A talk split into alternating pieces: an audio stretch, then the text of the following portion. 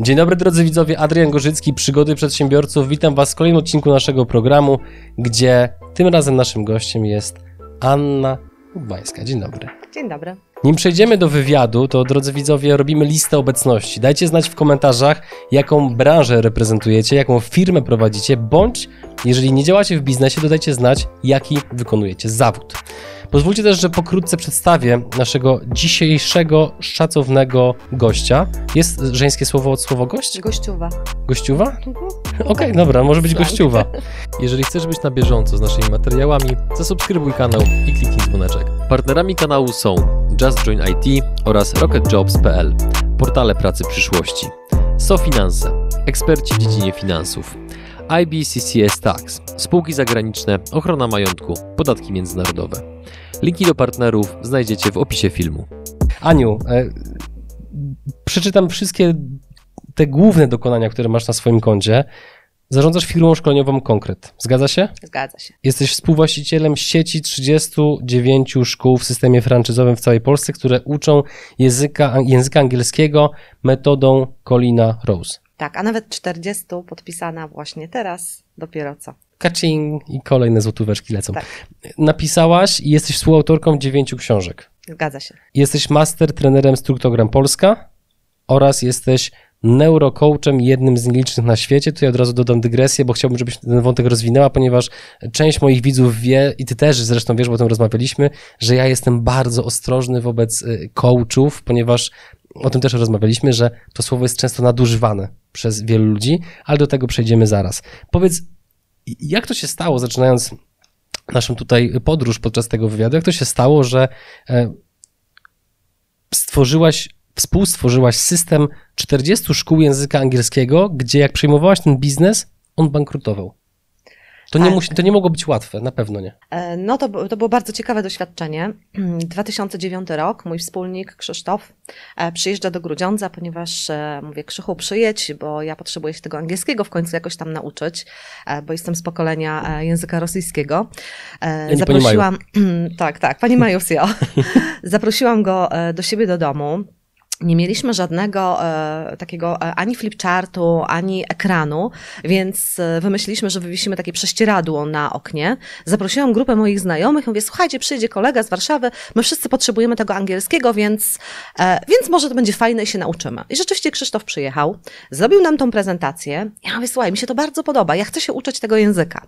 Ale widzę, że on jest taki niespokojny, coś tam jest nie halo w tej e, rozmowie. On mówi, słuchaj, muszę wykonać kilka telefonów i zaraz do ciebie wracam. Ja mówię, no dobra, mówię, może cenę będę mogła negocjować. Wiesz, no nie byłam do końca przekonana, co tam się wydarzy. Po czym Krzysztof wraca, mówi, słuchaj, tak sobie stoję i myślę, czy ty masz jakieś pieniądze? Ja mówię, Ciekawe no nie pytanie. wiem, co, na, na taksówkę, nie wiem, na, na co potrzebujesz, czy opijamy to już, czy jak? On mówi, wiesz co, bo e, sprawa jest taka, e, potrzebujemy, żeby ktoś pomógł nam utrzymać szkołę. Przejąłem ją e, właśnie od e, poprzedniego zarządu, który wybudował marmurowe wnętrza. E, Zapomnieliśmy tylko o jednym, żeby mieć klientów i żeby sprzedaż miała miejsce. Fundamenty. Tak jest, fundamenty, ale to stary numer, tak? Ale E, marmur ludzie- też jest spoko. E, tak, oczywiście, czemu nie? Ja mówię do niego, wiesz co, no generalnie tak nie za bardzo teraz, bo on mówi, no widzę na podjeździe nowe auto. A to była taka sytuacja, w której ja kupiłam sobie auto z salonu, pierwsze wymarzone, takie wiesz, w ogóle auto z salonu. I rzeczywiście się trochę wyczyściłam. No ale on mówi, słuchaj, żadna mądra kobieta, kobieta biznesu, nie wyda ostatnich pieniędzy na samochód, prawda? Ja mówię, no prawda. A on mówi, to pewnie coś masz. Ja mówię, no mam pomysł. I to był piątek i on mówi, słuchaj, musisz mi dać znać do e, poniedziałku, bo ja wtedy w ten poniedziałek będę potrzebował 20 tysięcy, żeby dać te najważniejsze wypłaty tym, którzy ich najbardziej potrzebują. Wtedy była jedna szkoła, rozumiem. E, tak, tak. Okej. Wtedy była jedna szkoła Mhm. w Warszawie. No i rzeczywiście e, zaczęłam się zastanawiać, co by to zrobić? Skąd tutaj do poniedziałku wziąć kasę? E, taką, Mhm. no, leżącą. E, No i udałam się do mojej przyjaciółki, która pracuje w banku. Ja mówię, czy do poniedziałku da się jakąś kasę zorganizować? Ona mówi, no nie, to tak wiesz, nie jest, to chwilę trwa, wiesz, zaświadczenia z ZUS-u i tak dalej.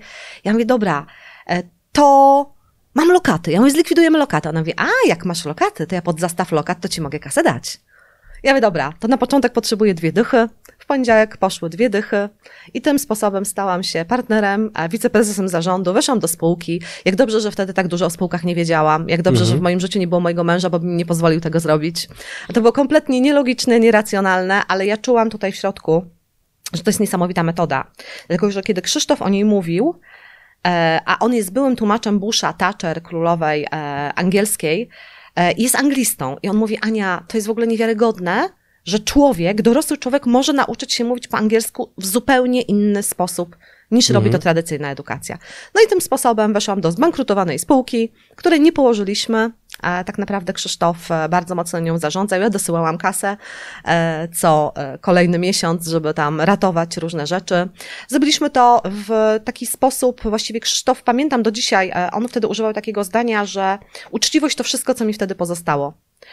I uczciwie kontakt z każdym z wierzycieli, E, rozmowa o tym, jak możemy spłacić swoje zobowiązania po poprzednim zarządzie.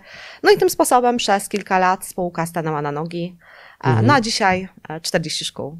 Czemu wybrał akurat ciebie? Powiedział ci kiedyś? Na pewno musiał, no musiała być taka rozmowa. Mm -hmm. Wiesz, to on powiedział, że on poczuł, ja wiem, że to brzmi mało zero-jedynkowo i mało logicznie, ale pomyślał sobie, kurczę, w Grudziądzu mieszka jakaś kobieta, która się biznesem zajmuje, e, ma na podjeździe e, auto świeże, mieszka w domu, e, no to może ma jakąś kasę. I mówi tak, przez moment to była taka desperacja trochę, mhm. że przyszedł mi taki pomysł do głowy. Ja wiedziałem po prostu, mówi, że potrzebujemy kasy. No, a potem tak naprawdę mówi, że już im dłużej zaczęliśmy razem pracować, tym bardziej przekonywał się, że to jest super. No, a w tej chwili jest mega. No i teraz, nim jeszcze omówimy Twoje pozostałe projekty, które realizujesz, no to chciałbym, żebyśmy jeszcze troszeczkę po, pobyli w tym temacie, ponieważ Ty doświadczyłaś czegoś, co jest z mojej perspektywy, jak rozmawiam z różnymi ludźmi, takim trochę marzeniem wielu przedsiębiorców, czyli wyskalowanie firmy do dość dużego rozmiaru. No i droga z jednej szkoły do 40 szkół, no to to jest tak trochę nie, nie była ziemia. No i mhm. teraz, co było kluczowe, żeby w ogóle taką drogę przejść z twojej perspektywy? Czego ty się nauczyłaś podczas tego procesu? Co było ważne? Mnóstwo kroków było istotne. Przede wszystkim nauczenie się pracowania e, razem e, i zmiana przekonania o tym, że spółek diabeł nie utworzył e, i że spółka może być fajnym tworem, w którym dwie, trzy, cztery, pięć osób może partnersko pracować dla dobra jednego konkretnego celu. To było takim bardzo ważnym elementem. No i porządek w biznesie. Tak naprawdę możesz skalować biznes, jak masz porządek na tym pierwszym etapie, czyli masz poukładane procesy, e, jakieś, e, nie chcę mówić o procedurach, bo ja nie cierpię tych słów, one są tak e, dalekie ode mnie, natomiast im większy porządek i rozumiesz pewne zależności tego, jak działa biznes, to to robi różnicę. No uświadomienie sobie, że niekoniecznie logo, wypasiona strona internetowa, nie wiem, po prostu jakieś cudne fotografie, które ludzie robią na początku biznesu za grube tysiące złotych, gdzie nie mam nic przeciwko temu oczywiście, to nie to. To klient jest najważniejszy. Jeżeli nie masz klienta, który przyniesie ci ze swojego portfela pieniądze i zapłaci, no to nie ma tych pieniędzy na to, żeby zapłacić e, lektorom językowym, utrzymać szkołę, za te wszystkie marmury, e, za czerwony dywan, który dzisiaj w centrali mamy na głównej alei, e, który robi wrażenie podobno, kiedy się do nas wchodzi.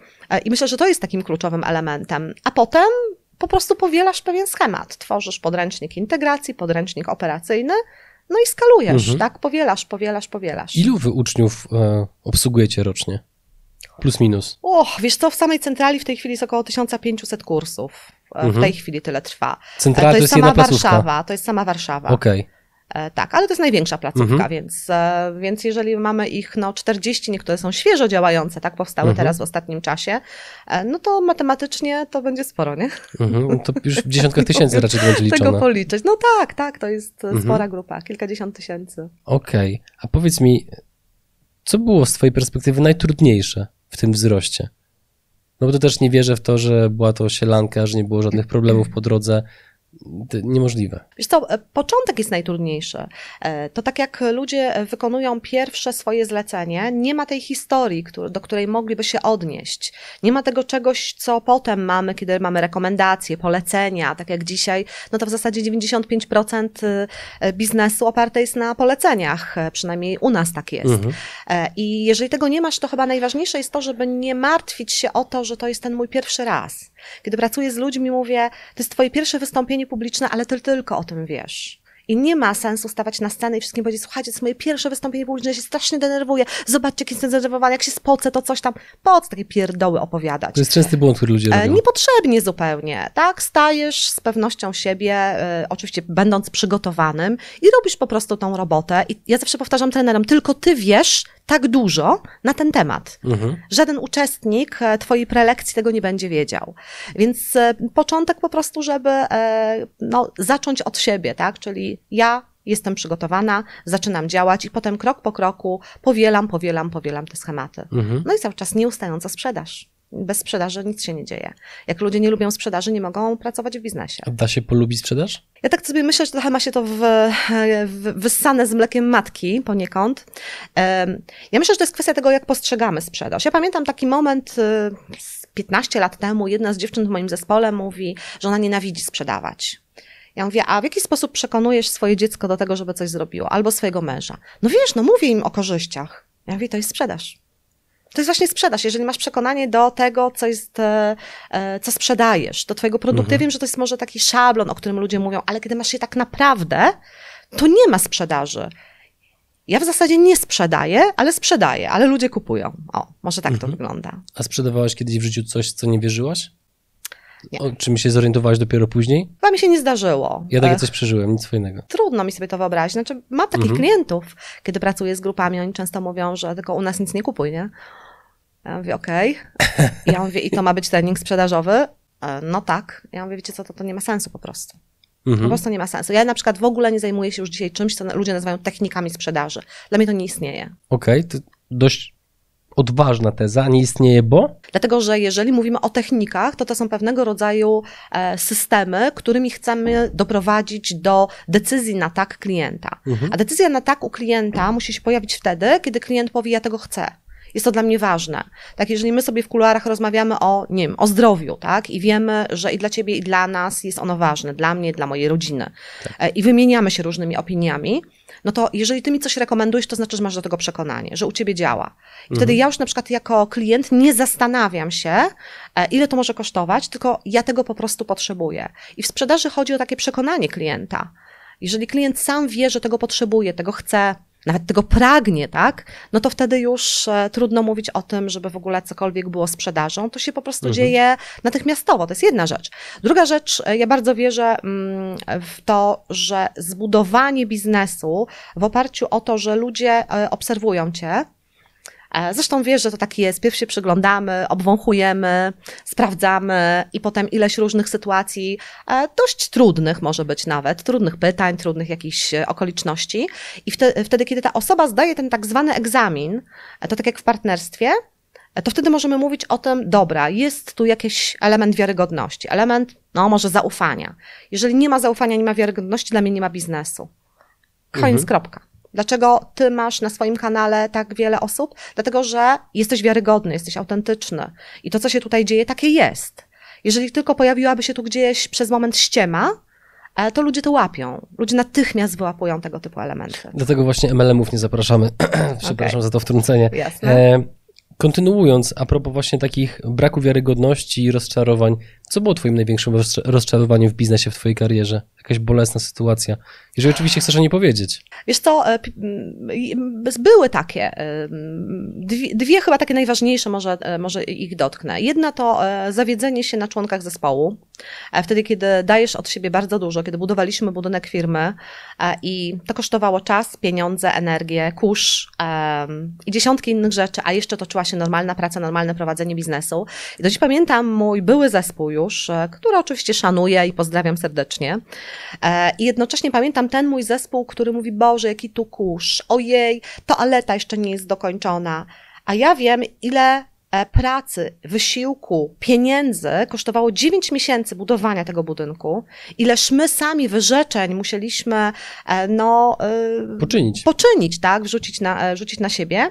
I to był taki moment, w którym ja po prostu sobie uświadomiłam, ja pierniczę, przecież to jest moja firma, mój biznes, mój zespół, który mnie rozczarowuje, który, któremu się nie podoba to, co się dzieje, bo teraz będą mieć dalej do pracy, bo co z tego, że jesteśmy w nowym miejscu, ale to jest niefajne. E, więc to, to było takie moje małe rozczarowanie wtedy. Popełniałam wtedy bardzo dużo błędów, e, jeżeli chodzi o zarządzanie. Zdrać jakiś jeden czy dwa. E, Ja jestem typem bardzo relacyjnym i takim w zarządzaniu bywam miękka. Mm, I w związku z tym twardy tyłek musiałam mieć i dość szybko Bywałaś miałam. pewnie miękka. Bywałam miękka. E, Ja ciągle jestem miękka, ale twarda twardo stąpam po ziemi, jeśli chodzi o biznes.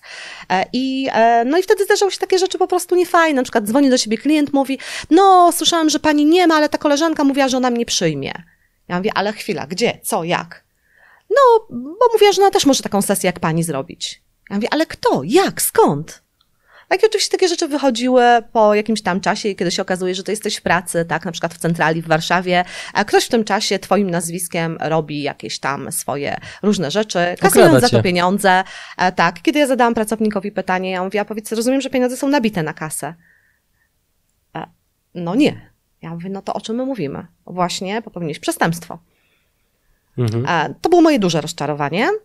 A drugie rozczarowanie takie, kiedy w 2000... Przepraszam, były konsekwencje Tak. wobec tego pracownika, czy tylko po prostu się z nim No, pożegnałaś? po, pożegnałyśmy się. E, żałuję, że jej przyszli pracodawcy do mnie nie dzwonili, bo mają podobne historie. Gdybyś mogła cofnąć czas, to byś e, jakoś inaczej to rozegrała? Tak, e, zaufałabym intuicji. Mhm. A co intuicja ci mówiła? E, Że to nie jest dobry człowiek na to miejsce, e, że e, nie jest wobec nas uczciwa. E, Natomiast no, często, e, je- jeżeli człowiek mi mówi, to ja uznaję, że tak jest. Mhm. E, A tutaj słowa niestety nie były zgodne z tym, co tam się pod spodem działo. Tak, tylko jeszcze chciałem doprecyzować, bo powiedziałaś, że kolejni pracodawcy mają podobny problem. Tak. Więc gdybyś mogła cofnąć czas, to czy byś podczas rozstania z tym pracownikiem wyciągnęła większe konsekwencje, żeby potencjalnych pracodawców kolejnych uchronić właśnie przed działaniami tej osoby? Bo dlaczego pytam? Mhm. Bo widzę dość dużą asymetrię i to dość często się pojawia w historiach przedsiębiorców, że istnieje serwis, o którym na pewno słyszałaś, GoWork, tak? Mhm, na którym tak, pracodawcy tak, są tak, bardzo tak, często tak, tak. obsmarowywani od stóp do głów. Tak. No ale w drugą stronę to już się za bardzo nie dzieje. No to co wynika fakt. pewnie z wielu powodów, że pracodawca na to nie ma czasu, nie chce się do tego Mhm. poziomu być może zniżać wręcz, e, no ale to powoduje właśnie to, że pracodawca nie ma za bardzo jak się bronić i nie ma też za bardzo jak ochronić kolejnych pracodawców przed tym konkretnym pracownikiem. Mhm. Więc czy byś jakoś to inaczej rozgrała? Trudno mi powiedzieć na tym etapie. E, Gdyby zadzwonił do mnie przyszły pracodawca takiej osoby i zapytał, to na pewno usłyszałby e, prawdę. Mhm. E, I to, że nie rekomenduję tej osoby, wręcz przeciwnie, odradzam zatrudnienie takiego człowieka. E, Myślę też, że podjęłabym inną decyzję, podjęłam decyzję o zatrudnieniu tej osoby, ponieważ byłam pod ścianą czasową. Jakiś wyjazd, coś pilnego, kojarzyłam człowieka, a on mówi, Mhm. tak, fajnie, wszystko pięknie. Jeszcze na korytarzu e, nasz wspólny znajomy, który mówi, przecież to jest moja kuzynka. Mówię, dobra, jestem w dobrych rękach. Dobra, jak się wszystko wysypało, to e, i kuzyn się przyznał do tego, że nie było fajnie. Więc, e, więc i- ja wiem, że to są trudne sytuacje. Generalnie jestem zwolenniczką tego, żeby e, o ludziach dobrze albo wcale, e, więc e, pewnie bym omijała tą sytuację. Nie wiem, czy bym postąpiła inaczej. Chyba nie. Mhm. Myślę, że nie. A uważasz, że to jest dobra praktyka, żeby pracodawca dzwonił do, do poprzedniego pracodawcy i pytał się, hej, Tak. jak ci się pracowało z tą osobą? To jest dobra praktyka, ja ją stosuję. Okej. Ja ją stosuję i e, to mi się bardzo dobrze sprawdza i bardzo rekomenduję. Mhm. I czy dzięki tej praktyce uchroniłaś siebie przed podobnymi sytuacjami, że już byłaś czegoś pewna, już chciałaś podejmować decyzję, ale jeden telefon wszystko zmienił? Czy nie było E, Na tą chwilę to były same dobre telefony. Mhm. E, Wszędzie usłyszałam, że to jest człowiek wart polecenia i rzeczywiście tak jest. Mhm. E, Człowiek, który się super sprawdza, więc tutaj pod tym kątem jakby zupełnie jestem spokojna. Natomiast dla mnie to już jest dzisiaj praktyka. Ja sobie nie wyobrażam dzisiaj inaczej. Jeżeli widzę w CV, jakie są poprzednie miejsca, to pytam. Nawet jest taka historia ciekawa. Kiedyś byłam takim konsultantem do spraw rekrutacji w ogromnej e, firmie e, i wiesz, fajne CV, wszystko się zgadzało, wszystko pięknie wyglądało, e, a mój żołądek coś mi mówił, że coś tam jest nie halo. Nie wiedziałam co. Przerwaliśmy rekrutację, poprosiłam cały zarząd. Ja mówię, słuchajcie, ja nie wiem o co chodzi, ale coś jest nie tak. Ja mówię, dajcie mi to CV jeszcze raz przejść. I przeglądam, przeglądam, wiesz, w pewnym momencie widzę, że jest dość długa przerwa między jednym a drugim e, zatrudnieniem. I ja mówię, dobra, idziemy w bank. Ja mówię, ufacie? Dobra, ufamy. No więc siadamy, ja mówię, wie pani co, mam do pani pytanie. Bo tutaj pani miała sporą przerwę. Mm, Ja wiem, że o wiele rzeczy nie mogę zapytać i nie będę pytać. Ale jak pani myśli, co powiedział nam ten pracodawca, do którego myśmy zadzwonili, co nam o pani powiedział? Pani pobladła, ręce jej opadły, zaczęła płakać, mówi, ale ja ich naprawdę nie okradłam. Grubo, a Mhm. pani została zatrudniona, ponieważ opowiedziała nam, jak wyglądała historia. E, Wyglądało to wszystko rzeczywiście prawdziwie i prawdopodobnie tutaj ten pracodawca był nie okej. E, Pracuje tam do dzisiaj, jest świetnym pracownikiem, ale tamta sytuacja gdzieś tam intuicyjnie e, Mhm. pokazała, że warto e, takie rzeczy robić. Czyli czasami blef może być skuteczny. No, tak Mhm. wygląda na to. Czym wy się wyróżniliście, bądź czym się wyróżniacie na rynku, który z mojej perspektywy jest chyba dość konkurencyjny, no bo szkoły języka angielskiego są już no, od pewnie dobrych kilkudziesięciu lat w Polsce i tych szkół jest całkiem dużo. Zresztą nawet też e, Kuba Midel przecież miał też swój epizod z siecią szkół języka angielskiego, na czym zbudował część swojego majątku. Więc co, co powodowało, co nadal powoduje, że wy się tak na rynku wyróżniacie, bo też wiem, zresztą byłem w waszej siedzibie między innymi w Grudziądzu, że jest sporo zdjęć pokazujących również bardzo znane osoby, które korzystają z waszych usług, co no jakby nie patrzeć, biorąc pod uwagę możliwości takich osób, jeżeli decydują się akurat na was, no to to musi być spowodowane prawdopodobnie czymś innym niż tym, że mówicie hej, chodź, damy ci darmowe lekcje, tylko daj nam sobie zrobić zdjęcie. No raczej takie, takich metod nie stosujecie. No nie, to nie, nie ma chętnych na takie metody już generalnie, e, chyba że się jest z jakiegoś podrzędnego małego programu, ale to już zupełnie inna historia. E, no przede wszystkim e, taka naczelna rzecz to ułatwiamy życie. No bo e, ja zaczęłam się uczyć angielskiego, dlatego że poczułam się kompletnie dyskomfortowo podczas wakacji z moim synem, kiedy staliśmy na lotni lotnisku w Kanadzie. E, rozmawiamy e, ze sobą i nagle pani zaczyna pytać o coś po angielsku. Na co mój syn, e, stojący obok mnie o kilka głów niższy, zaczyna z panią konwersować. Myślę sobie, Boże, ale słabo po prostu słabo, tak? Sześć podyplomówek skończonych, e, ogarnięta, prowadząca biznes, a po angielsku nie rozumie podstawowych pytań. No nie chce się tak czuć. E, więc e, to ułatwienie życia dotyczy właśnie takich osób. Nasi klienci to są klienci, którzy właśnie mają potężne firmy, e, często są w zarządach wielu organizacji, e, na kontach mają sporo pieniędzy, e, są bardzo uważani, szanowani, ale nie znają angielskiego i wstydzą się do tego przyznać. Mhm. E, I my ułatwiamy im życie, bo cała metoda oparta jest o zupełnie inny styl niż tradycyjna edukacja. Przede wszystkim o wiedzę o mózgu i o tym, jak mózg działa, o tym, że jest osiem inteligencji wieloraki Howarda Gardnera i każdy z nas ma którąś z tych inteligencji silniejszą i podczas zajęć z trenerem językowym, trener pracuje tą konkretną inteligencją z klientem. Co więcej, cała platforma jest tak ułożona, że te inteligencje cały czas są osadzone we wszystkich elementach e, platformy. Mhm. Więc to, że inne kursy mają e, też platformy, to cudownie. Tylko pytanie, co tam jest za content w środku. A ten content jest tak zbudowany, że tam jest i dwupółkulowość mózgu wzięta pod uwagę, i techniki szybkiego uczenia. E, Colina Rose e, w Anglii na przykład 45% szkół e, naszych takich podstawowych uczy się technikami Colina Rose. Wszystkich mhm. przedmiotów. E, u nas my uczymy angielskiego. Co by to było, gdyby w tradycyjnej edukacji można było w przyspieszony sposób się pouczyć? Tak, myślę, że nie, nie wiem, czy to by się podobało rządowi na pewno, że ludzie by zdobywali wykształcenie w takim tempie, ale nie mhm. idźmy tą drogą. Nie, nie, nie. E, idąc dalej, czy spotkałaś się kiedyś z dość popularnym zjawiskiem, niestety nad czym bardzo ubolewam, na polskim rynku pracy, szeroko patrząc, z szowinizmem takim zawodowym? Mhm. Czy spotykałaś się kiedyś i czy spotykasz się nadal, pomimo tego, że teraz dysponujesz bardzo dużą siłą finansową, no i też doświadczeniem? W tej chwili już praktycznie nie spotykam się, e, ale spotykałam się. Pamiętam, kiedy startowałam w branży edukacyjnej. E, zostałam predysponowana na takie szkolenie zarządu ogromnej marki. Państwo przyjechali z całego świata, e, Polacy. Ja miałam, jeszcze nie miałam nawet 30 lat, stanęłam przed nimi i szkolenie miało dotyczyć zaawansowanych technik wystąpień publicznych. No i widziałam tych Państwa, e, którzy założyli ręce, głównie panowie, większość z nich e, z takimi brzuszkami, okularki, z przerzedzonymi włosami i po prostu ich ciało mówiło i co ty nam dziecko tutaj powiesz? I tak było do pierwszej przerwy. Jeden z prezesów podszedł do mnie w pierwszej przerwie i mówi, muszę cię przeprosić. Muszę Cię bardzo przeprosić, jest mi wstyd za to, co sobie pomyślałem i zakładam, że część moich kolegów również, bo widziałem po minach. Jak to dziecię, które stanęło, jeszcze o blond włosach, będzie nas uczyło wystąpień publicznych. I mhm. mówi, mam dla Ciebie jedną rekomendację, kup sobie okulary, trochę Cię postarzą. Mhm.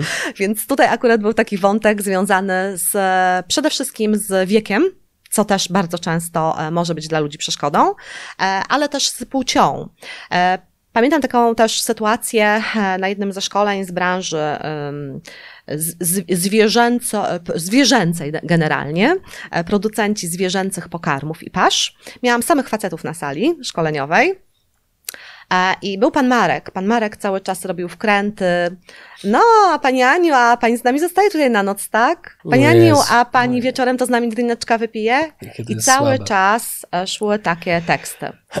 I Marek e, myślę, że w przerwie gdzieś tam zażywał dodatkowych kalorii.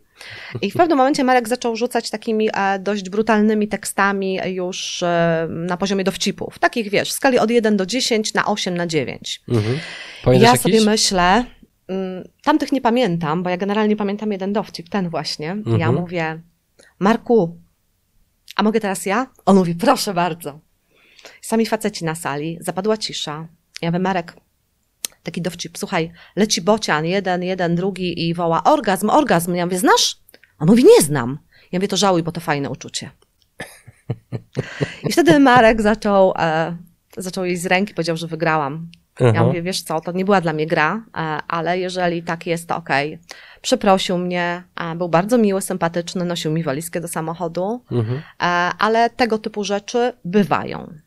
No i teraz właśnie patrząc na statystykę w naszym kraju, gdzie no więcej mężczyzn robi biznes aniżeli kobiety i też no to zjawisko właśnie szowinizmu, seksizmu, ono jest dość mocno mm, eksponowane medialnie, co z mojej perspektywy jest słuszne, bo to jest zjawisko patologiczne, z którym trzeba absolutnie walczyć, ponieważ ja jestem absolutnym zwolennikiem merytokracji i moim zdaniem płeć, rasa, wiek nie ma absolutnie żadnego znaczenia, jeżeli znasz się na swojej robocie, mówiąc wprost. Natomiast nie każda, e, zwłaszcza kobieta, radzi sobie z zjawiskiem szowinizmu i seksizmu. Co, co ty byś powiedziała takim kobietom, które doświadczają tego w swoim miejscu pracy i nie do końca potrafią sobie z tym poradzić? E, Myślę, że to zależy od y, takiej siły wewnętrznej, też od poczucia własnej wartości, e, bo wiele, e, wiele, wielu z nas mówi o tym, no ja jestem tam na poziomie poczucia własnej wartości stabilne, wszystko jest dobrze. A tak naprawdę, kiedy przychodzą takie różne e, trudne sytuacje, ludzie nie do końca wiedzą, jak się w takich sytuacjach zachować i z reguły kobiety podkulają ogon.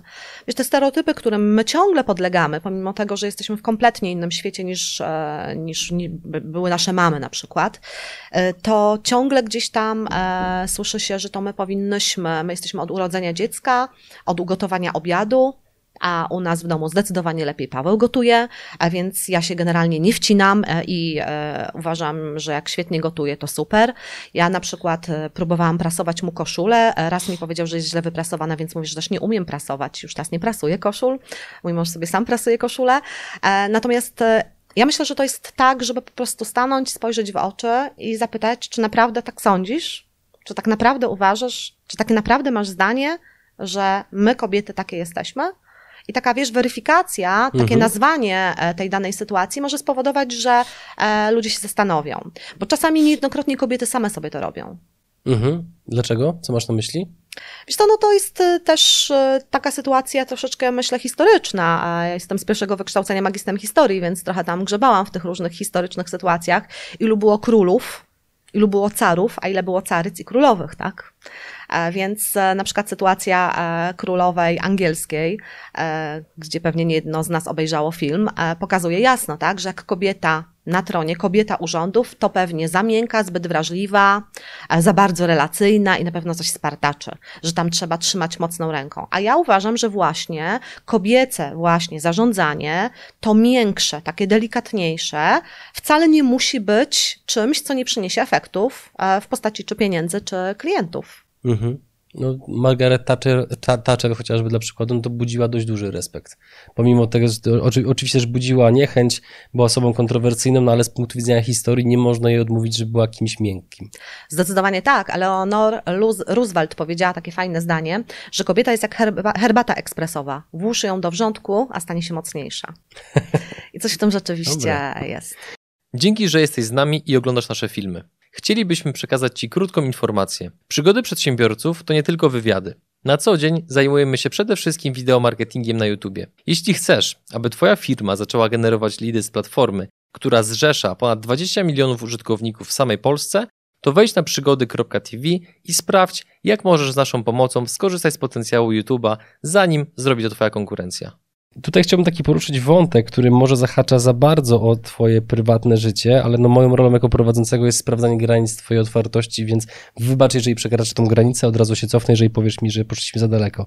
Ty przez pewien czas byłaś e, matką, która samotnie wychowywała dziecko. To prawda. Prawda?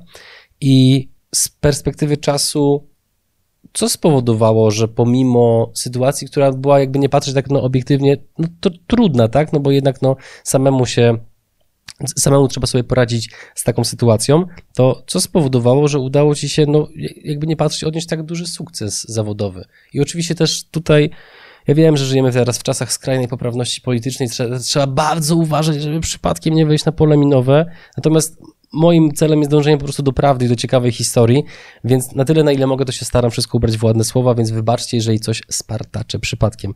Po prostu chodzi o to, że często wizerunek samotnej matki jest tak przedstawiany, jakby to był w ogóle taki koniec świata, game over. Na zasadzie teraz to już się tylko liczy survival i w ogóle nam nie ma co za bardzo marzyć o tym, że będzie się miało skończonych 6 e, podyplomówek, e, studia magisterskie, napisanych 9 książek, 40 szkół i tak dalej. To by się udało. Mhm. Co, jak ten proces wyglądał, że zrobiłaś coś, coś takiego, pomimo takiej sytuacji? Jest taka historia, e, która miała miejsce w 98 roku, wtedy też, kiedy w maju założyłam firmę. W listopadzie w ciągu 6 e, dni e, umarł mój brat. E, umarł na białaczkę, był miesiąc po własnym ślubie, jego żona była w ciąży, e, oczekując na potomka. I dla mnie to był taki moment, w którym ja sobie pomyślałam, kurczę, ja, e, ja już nie chcę byle jak, ja już nie chcę przeciętnie. Ja chcę po prostu swobodnie sobie fajnie żyć.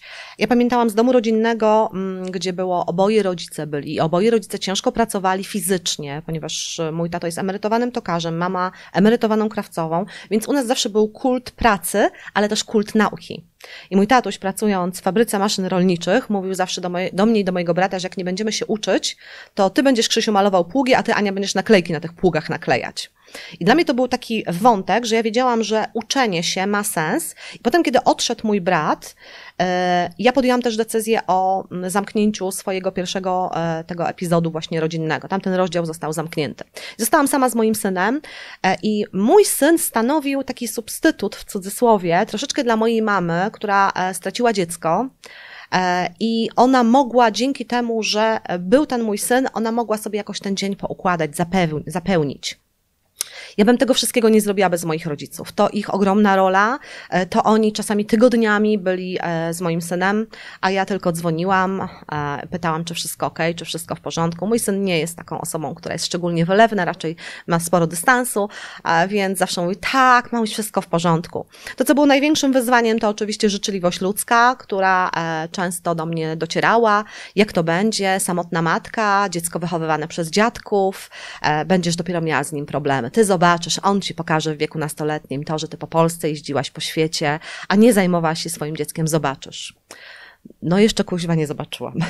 Mój mhm. syn ma 24 lata, jest cudownym, dorosłym człowiekiem e, i ja uważam, że jeżeli e, pewne rzeczy robimy z pasją, z energią, w miłości, to e, z miłością do tego dziecka, to tutaj nie ma opcji. Poza tym ja, ja, uwielbiam stawiać sobie cele, uwielbiam wyzwania. Jak się zaczynam nudzić, e, to mój mąż już wie, że zapewne coś zaraz e, wymyślę i zaraz czymś przyjdę i coś tam wykminię. Musi się cały czas dziać, ja to lubię. Mhm. Co spowodowało, no bo trochę o tym powiedziałaś, ale ja ten wątek pociągnę, bo to jest kolejna właśnie historia, której ja zresztą słyszałem ostatnio wiele razy. Jeden z moich znajomych, kolega właśnie koło 40, powiedział, że zaobserwował coś takiego u siebie, jak i u swoich znajomych, że ta cena, którą akurat oni płacili za to, żeby rozwinąć biznes w postaci no, nadszarpnięcia relacji rodzinnych, teraz do nich właśnie wraca. Że widzą, że ze swoimi dziećmi oni są troszeczkę dalej, jeżeli chodzi o relacje, niż na przykład niektórzy ich znajomi, którzy jednak tym dzieciom poświęcali więcej czasu w młodszym wieku. Więc jak ty to poukładałaś, że ty tych problemów mówisz, że nie, nie miałaś i nie masz? Ja myślę, że ważny jest ten czas, kiedy jesteś no bo jeżeli mnie nie ma przez dwa tygodnie, e, mój syn jest pod dobrą opieką, e, ma dużo też uwagi, miłości też od taty, który się z nim oczywiście cały czas spotykał, kontaktował, mhm. więc tak naprawdę ten jeden rodzic gdzieś tam był przez chwilę, potem tatuś też wyjechał za granicę. Natomiast kiedy my już byliśmy razem, to my byliśmy na 100%, do tego stopnia, że mój syn mówił, kiedy ty znowu jedziesz, bo już jest ciebie jakby za dużo, tak? Ja już czułam, że on już mnie tak bardzo nie potrzebuje. I wtedy było 100%. Wtedy były wyjścia, spacery, zabawy, zabawa, e, klocki, kolorowanki, układanki, e, karuzela. Wtedy było po prostu na maksa wszystko. I to był czas dla niego. Ja wtedy, w tym czasie, kiedy nie wyjeżdżałam, byłam z nim praktycznie cały czas, poza tam tym, kiedy on był w przedszkolu, czy Mhm. później już e, w szkole.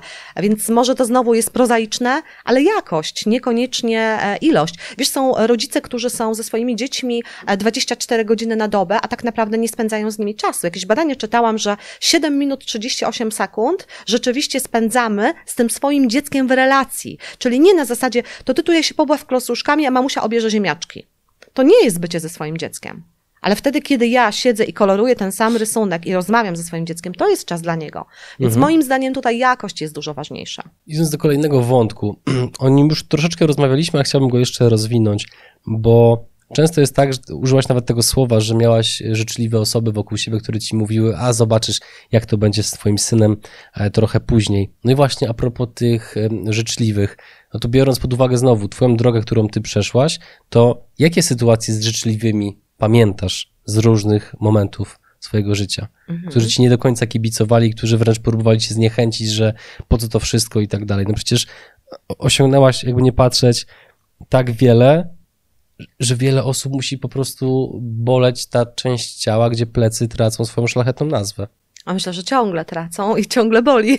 Rzeczywiście tak jest. E, Wiesz co, ja generalnie nie mogę narzekać, bo mam wokół siebie naprawdę fajnych ludzi. E, A jeżeli pojawia się ktoś życzliwy dzisiaj, teraz, e, to ja nie mam problemu z tym, żeby się skonfrontować e, i żeby Bo już zapytać. masz tak zwane fuck you money. To mniej więcej. Ale też takie e, chyba wewnętrzne przekonanie, że nie muszę, e, że jakby nie potrzebuję cię w relacji. Kiedyś miałam tak, że ja bardzo za wszelką cenę chciałam, żeby wszyscy mnie lubili, akceptowali. E, taką nutellą chciałam być, prawie przez wszystkich lubianą, czy zupą pomidorową. E, I dzisiaj nie mam już tej potrzeby. E, patrzę w lustro i akceptuję siebie. Akceptuje mnie moja rodzina, moi najbliżsi przyjaciele, e, wiele osób e, i mnie to wystarczy. Najważniejsze, wiesz, że to jest coś, co ja chyba umówiłam się sama ze sobą na pewne rzeczy. Dogadałam się sama ze sobą, że po prostu dzisiaj e, nie robię już pewnych rzeczy, które kiedyś robiłam, czyli za wszelką cenę próbowałam się przypodobać, żeby ta druga osoba zobaczyła, że ja, ja naprawdę jestem fajną mamą. Popatrz, ja jestem ze swoim dzieckiem. No tak dużo mnie nie było, ale dzięki temu moje dziecko ma najnowsze klocki Lego, dzięki temu jeździ bezpiecznym samochodem, dzięki temu ma ogród, gdzie może sobie biegać. Kiedyś próbowałam pokazywać, zobacz, to tak nie jest. Dzisiaj mówię sobie, okej, masz prawo mieć taką opinię, natomiast jeżeli ktoś jest nieżyczliwy, to też nie boję się już dzisiaj pewnych rzeczy nazwać, choć nie jest to dla mnie łatwe. E, Co w biznesie, e, jak dobrze wiesz, jest różnie widziane. E, Wtedy, kiedy ktoś, nie wiem, nadużywa twojego terytorium albo próbuje mm, twoje narzędzia przywłaszczyć sobie biznesowe, czy, czy nie wiem, swoje, twoje własne słowa uznaje za swoje, podpisuje się wszędzie swoim imieniem i nazwiskiem, podnie swoimi rzeczami. Dzisiaj już nie boję się to nazywać. Mhm. Wytoczyłaś kiedyś komuś proces sądowy? Tak, e, dokumenty są w tej chwili w sądzie w Gliwicach. Mhm. E, dostaliśmy propozycję, e, żeby dogadać się poza sądem. Jakie to uczucie? Dziwne, bo przez rok proponowałam, dogadajmy się poza sądem.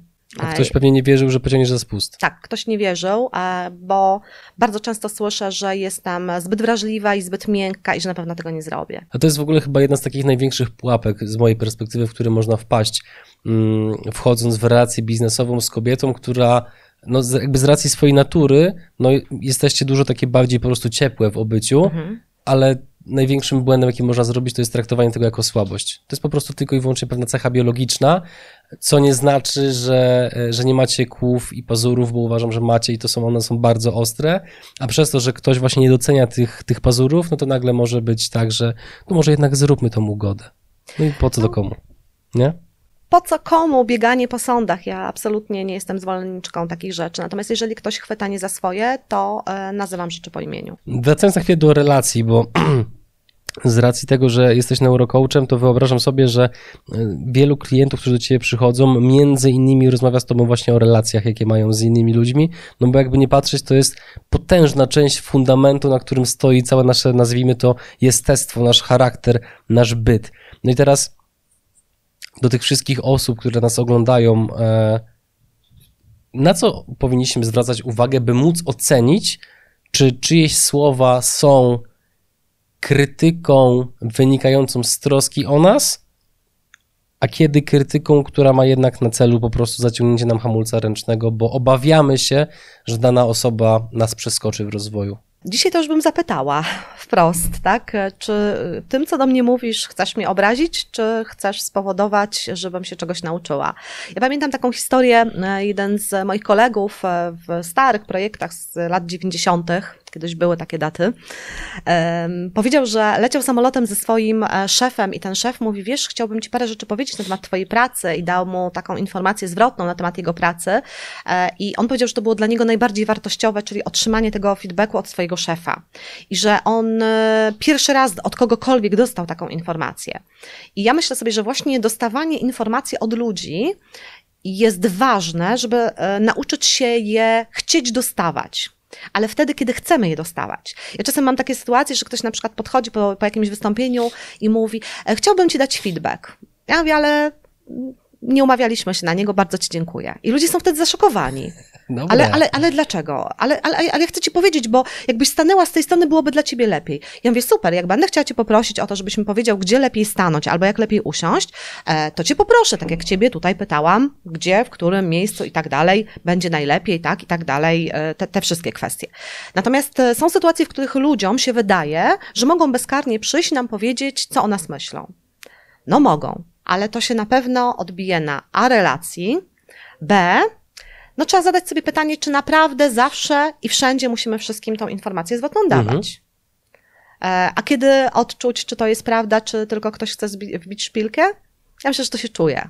No przynajmniej kobiety to czują. Mhm. Przynajmniej część kobiet. No i teraz po raz kolejny będę sprawdzał granice twojej otwartości, więc y, uważaj.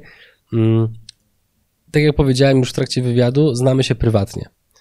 I ja cię cenię i szanuję za wiele rzeczy. Jeżeli chodzi o sprawy komunikacyjne, to z mojej perspektywy jesteś kobietą pełną gracji, elegancji.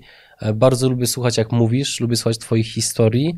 Masz w sobie dużo takiej kultury osobistej, że chciałbym się dowiedzieć, czy kiedyś do kogoś powiedziałaś: spierdalaj gościu. Mhm. Bo po prostu, oczywiście, żeby było jasne, to nie jest tak, że sobie nie wyobrażam ciebie w tej sytuacji, ale ten wstęp zrobiłem po to, że chciałbym się dowiedzieć, kto, co musiał ktoś zrobić, żeby doprowadzić cię na takie ekstremum, że użyłaś takiego języka i tak się zachowałaś. Tak, zdarzyło mi się to powiedzieć wielokrotnie w myślach, e, ale też zdarzyło się e, usłyszeć to pewnej osobie e, ode mnie. Kilka lat temu, już nie pamiętam, sprzedałam taki biznes, który prowadziłam przez kilka lat. To był prywatne szkoły liceum, prywatne liceum, prywatna szkoła policjalna. Kupiłam ją z 30 studentami, sprzedałam z 300 i panowie tylko to, co ustaliliśmy przed notariuszem wpłacili, a potem resztę już zapomnieli. E, I próbowali powiedzieć, że to jest moja wina, e, że to nie wszystko wyglądało tak, jak powinno, i tak dalej, i tak dalej. Wiesz, długie miesiące, na takich biznesów nie kupuje się w tydzień, tak? To były miesiące dokumentów, księgowości, e, rozliczeń. Mhm. Długa historia. No i kiedy, kiedy, kiedy panowie już definitywnie powiedzieli, co o mnie myślą, to właśnie to usłyszeli. Jak się wtedy czułaś? Cały czas nie czuję się z tym dobrze, e, Dlaczego? bo myślę, że mogłam się dużo bardziej zabezpieczyć. Mhm. E, prawnie e, jestem niezadowolona z tego, jak została stworzona umowa. Już dzisiaj wiem, że te umowy trzeba bardzo dobrze tworzyć. Wszelkie umowy, umowy są na złe czasy, nie na dobre czasy i trzeba w umowach wpisywać takie rzeczy, na które się rzeczywiście umawiamy, a nie tak, żeby przed czym gdzieś tam uciec, czy uszczknąć parę złotych z budżetu państwa. Takich rzeczy się po prostu nie robi. Ja tych rzeczy nie robię, nie będę robiła już, na mhm. pewno, nigdy. E, ponieważ e, to po prostu e, potem się wysypują tego typu sytuacje. Czy się czułam dobrze? Nie, nie czułam się dobrze, bo generalnie powiedzenie komuś, że ma spierdalać, to nie jest fajne. Tak, mhm. to już jest najniższy poziom i ja myślę, że to nie jest okej. Okay. Moje pytanie absolutnie nie odbiera go jako złośliwość. No, znamy się na tyle, że, że wiesz, że ja taki raczej nie jestem. Raczej? potrafię. Ale czy intuicja wtedy ci nie powiedziała, że Aniu, z tymi gośćmi to uważaj? Powiedziała. Czemu ją zignorowałaś? Dlatego, że e, osoba, e, który, z którą podpisywałam umowę między innymi, e, była rekomendowana przez kogoś, komu wtedy ufałam. Kolejny kuzyn czy kuzynka? Nie, nie, nie. To był akurat człowiek biznesu, mhm. który też zakończył relację z tym człowiekiem, kiedy dowiedział się, co się wydarzyło. Nie wiedział wcześniej. Może trochę prowokacyjne pytanie. Na co kobiecie z twoimi osiągnięciami sześć podyplomówek? Chyba, że to właśnie dzięki nim te są te osiągnięcia. Jajko czy kura? Jak to było? Po co? To jest trochę tak jak e, ta historia z moim tatusiem i malowaniem pługów. U nas był kult nauki. Mój tato, e, pomimo tego, że ma zawodowe wykształcenie, jest bardzo mądrym człowiekiem. E, I encyklopedia, taka czterotomówka, była jednym z najważniejszych elementów w naszym domu, stojąca na takiej meblościance, wiesz, typowej z lat 80. I mm, ja wiedziałam, że jeżeli chcę inaczej niż to, co mam w domu własnym, nie mówię o uczuciach, miłości, tylko mówię o pieniądzach, to muszę zrobić coś inaczej niż robili moi rodzice. E, I e, w związku z tym pomyślałam sobie, że może w edukacji, w nauce jest właśnie ten element. A potem to się stało po prostu stylem życia. Więc jak dzisiaj mnie ludzie pytają o rozwój osobisty, to się uśmiecham e, i mówię słowami mojego męża rozwój czy rozbój, bo to, co widzimy na rynku polskim, to jest rozwój osobisty bardziej niż rozwój. I sprzedawanie ludziom na kredyt po prostu szkoleń jest dla mnie nieuczciwe i tak się nie robi, po prostu tak się nie robi. Nigdy tego nie zrobiłaś? nie. Nie, tak się nie robi. To jest nie, nie w porządku. E, sama, sama swojego czasu, sami wzięliśmy jakieś tam e, pożyczone pieniądze, żeby się uczyć. Zresztą moje pierwsze szkolenie w życiu, na które pojechałam chyba w 97 roku, e, pierwszy raz Brian Tracy w Polsce wtedy był, to mhm. było zapożyczone pieniądze od mojej mamy. I wtedy pojechałam na, na, na szkolenie. Tam poznałam właśnie Briana Tracy, z którym potem miałam przyjemność przez kilka lat pracować. Tam poznałam Krzysztofa, z którym dzisiaj prowadzę firmę. Tam poznałam Sebastiana Kotowa i, wiele fajnych osób. E, natomiast e, wracając do, do brzegu, na moja wielowątkowość, taki mózg, e, to, to ten kult nauki i ta świadomość, że jeżeli zdobywam nową wiedzę i się uczę, to mam możliwości większe na rynku biznesu. Ja chcę wiedzieć, ja chcę się znać, ja chcę rozumieć. Ja wielu rzeczy nie wiem. Mój mąż jest mistrzem świata w, w wielu dziedzinach. Ja się na wielu rzeczach nie znam, ale czasem głupio nie wiedzieć po prostu, więc się interesuję. Mhm. I uczę się, uczę się, non-stop się uczę. Szukam kolejnych podyplomówek. Teraz publicznie to powiedziałam, nie wiem, co w domu na to. E, ma słuchawki na uszach, więc chyba nie słyszał. Super, fantastycznie. E, idąc dalej, struktogram. Jak sobie robiłem research w ogóle w internecie, no bo też nie jest tajemnicą to, co zresztą komunikowałem na moich mediach społecznościowych, że byłem u was na e, szkoleniu kilkudniowym, z którego ja wyniosłem bardzo dużo i ja często robię tak, że ja robię research po fakcie, dlatego żeby za bardzo nie torować swojej uwagi, jeżeli komuś coś się nie spodobało. Oczywiście restaurację zawsze sprawdzam przed, no bo w przypadku jedzenia bardzo nie lubię się rozczarowywać, to, to jest u mnie już wręcz obsesja. I w każdym razie, a propos struktogramu, trafiłem na taki jeden, jeden artykuł, gdzie gość opisywał, że to jest tak troszeczkę palcem po wodzie pisane i tak dalej. I ja tak mówię, nie wiadomo czego. I tak mówię, kurczę, no nawet jeżeli prawdą jest, co ten gość mówi, że być może jest to ubrane, jest za bardzo uproszczone i tak dalej, no to jakie to ma znaczenie, jeżeli to z mojej perspektywy działa? No bo ja po tym szkoleniu faktycznie zacząłem trochę inaczej patrzeć zarówno na relacje ze współpracownikami, czy z moją partnerką, czy z rodzicami, a przede wszystkim z tatą, który tak, statą. Nie, nie idźmy tą drogą. E, co to jest struktogram? Powiedz naszym widzom, co to jest struktogram i jak to się stało, że to jest kolejna, e, kolejny element twojego ekosystemu biznesowego? Odniosę się do tego, co powiedziałeś, do tego artykułu, bo to jest ważne. Ja przyjmuję krytykę jeżeli jest uzasadniona i sprawdzona. Ale jeżeli wydaje ją ktoś, kto A nie doświadczył, nie przeczytał, nie zna, nie był na szkoleniu, to dla mnie to nie jest e, krytyka, tylko po mhm. prostu czyjaś opinia, Jasne. do której ma prawo. E, natomiast jeśli chodzi o struktogram, no to tak samo jak my mamy imię i nazwisko, tak nazywa się mm, produkt po prostu, system treningowy. E, wszystko ukryte w mózgu. Mówimy o mózgu, o naszym DNA, mówimy o tej części osobowości, która jest niezmienna, e, o tym, jak ukształtował się nasz mózg właśnie genetycznie. I to jest fascynujące, bo z tym się rodzimy, idziemy przez całe życie e, i to z nami jest, i tacy, jacyś jesteśmy, a z drugiej mhm. strony osobowości mamy nasz charakter, który jest zmienny, którym możemy zdobywać nowe kompetencje, zmieniać przekonania, nawyki. A więc dobrze jest wiedzieć, jak jest na poziomie charakteru, ale dobrze jest też wiedzieć, co jest tym moim głównym komputerem, tak? Mhm. Oprogramowanie wgrywamy, a na komputerze jest cały główny ten e, system. Ile osób już przeszkoliliście w ramach struktogramu? No to takie właśnie, e, notabene struktogramu niebieskie pytanie. Sporo. Kilkadziesiąt tysięcy? Mhm. Nie wiem. Nie wiem, dużo. nie liczę tego, ale to już jest spora grupa ludzi e, w Polsce, bardzo duże organizacje, bardzo duże firmy, mhm. którymi no i teraz kole, kole, kolejna rzecz, no bo e, czasu zostało nam niewiele, patrząc na, na, na, na, tablet, a jeszcze chciałbym parę wątków poruszyć. Tak na marginesie, drodzy widzowie, poczytajcie sobie o struktogramie, bo naprawdę to otwiera oczy na pewne rzeczy i takim bardzo odkrywczym wnioskiem, który może jest mało elokwentny, ale który, do, do, do którego doszedłem, który nie wiem, czy pamiętasz, powiedziałem po szkoleniu, że e, struktogram pozwala zrozumieć, że ludzie nie są. To tutaj jest takie słowo na Z, kończy się bani, tylko są po prostu różni. I w momencie, kiedy rozumiemy tę różnorodność i wiemy, jak komunikować, żeby druga osoba nas zrozumiała, i też wiemy, co ta osoba nam de facto próbuje powiedzieć, kiedy ma no, ten inny kolor mózgu, to potem to bardzo mocno ułatwia życie. Więc i też jest firma szkoleniowa Konkret oraz to, że jesteś neurocoachem. W ogóle proszę odpowiedz na to pytanie w taki sposób, że po pierwsze rozwiń te dwa wątki, ale potem przejść do tego, jak ty zarządzasz swoim czasem. No bo to jest w ogóle dla mnie jakiś kosmos, że masz tyle różnych przedsięwzięć biznesowych, no i one działają. E, neurocoaching, e, słowo coaching znane, wszyscy wiedzą, niektórzy chcą delegalizować e, i nie dziwię się, bo co drugi to coach już w tej chwili, który nigdy nie miał własnego coacha, w ogóle nie wie na czym coaching polega, przeszedł jakiś kurs, szkolenie, mniejsza. I nie dziwię się, że jest takie podejście do coachingu. Ja zawsze jak szukałam dla siebie kogoś na zasadzie coacha, mentora, bo ciągle mam takie osoby, ciągle pracuję, jestem w procesach wielu, to zawsze patrzę na rezultaty. Jak widzę rezultaty, to ja po rezultatach wiem, czy chcę z taką osobą pracować. Jakie ona ma rezultaty finansowe, biznesowe, to to jest dla mnie autorytet do pracy. I ja zawsze wtedy mówię, jeżeli szukasz sobie coacha, to sprawdź, tego, e, sprawdź to, co zrobił. Jak tam coś pod spodem jest, to możesz rozmawiać z nim o tym, żeby się uczyć. Neurocoaching, dlatego że się specjalizuje. Ja w ogóle jestem fanką eksperckości, specjalizacji. Kiedy zaczynałam prowadzić biznes 20 parę lat temu, wydawało mi się, że im więcej będę miała projektów i wątków, tym lepiej.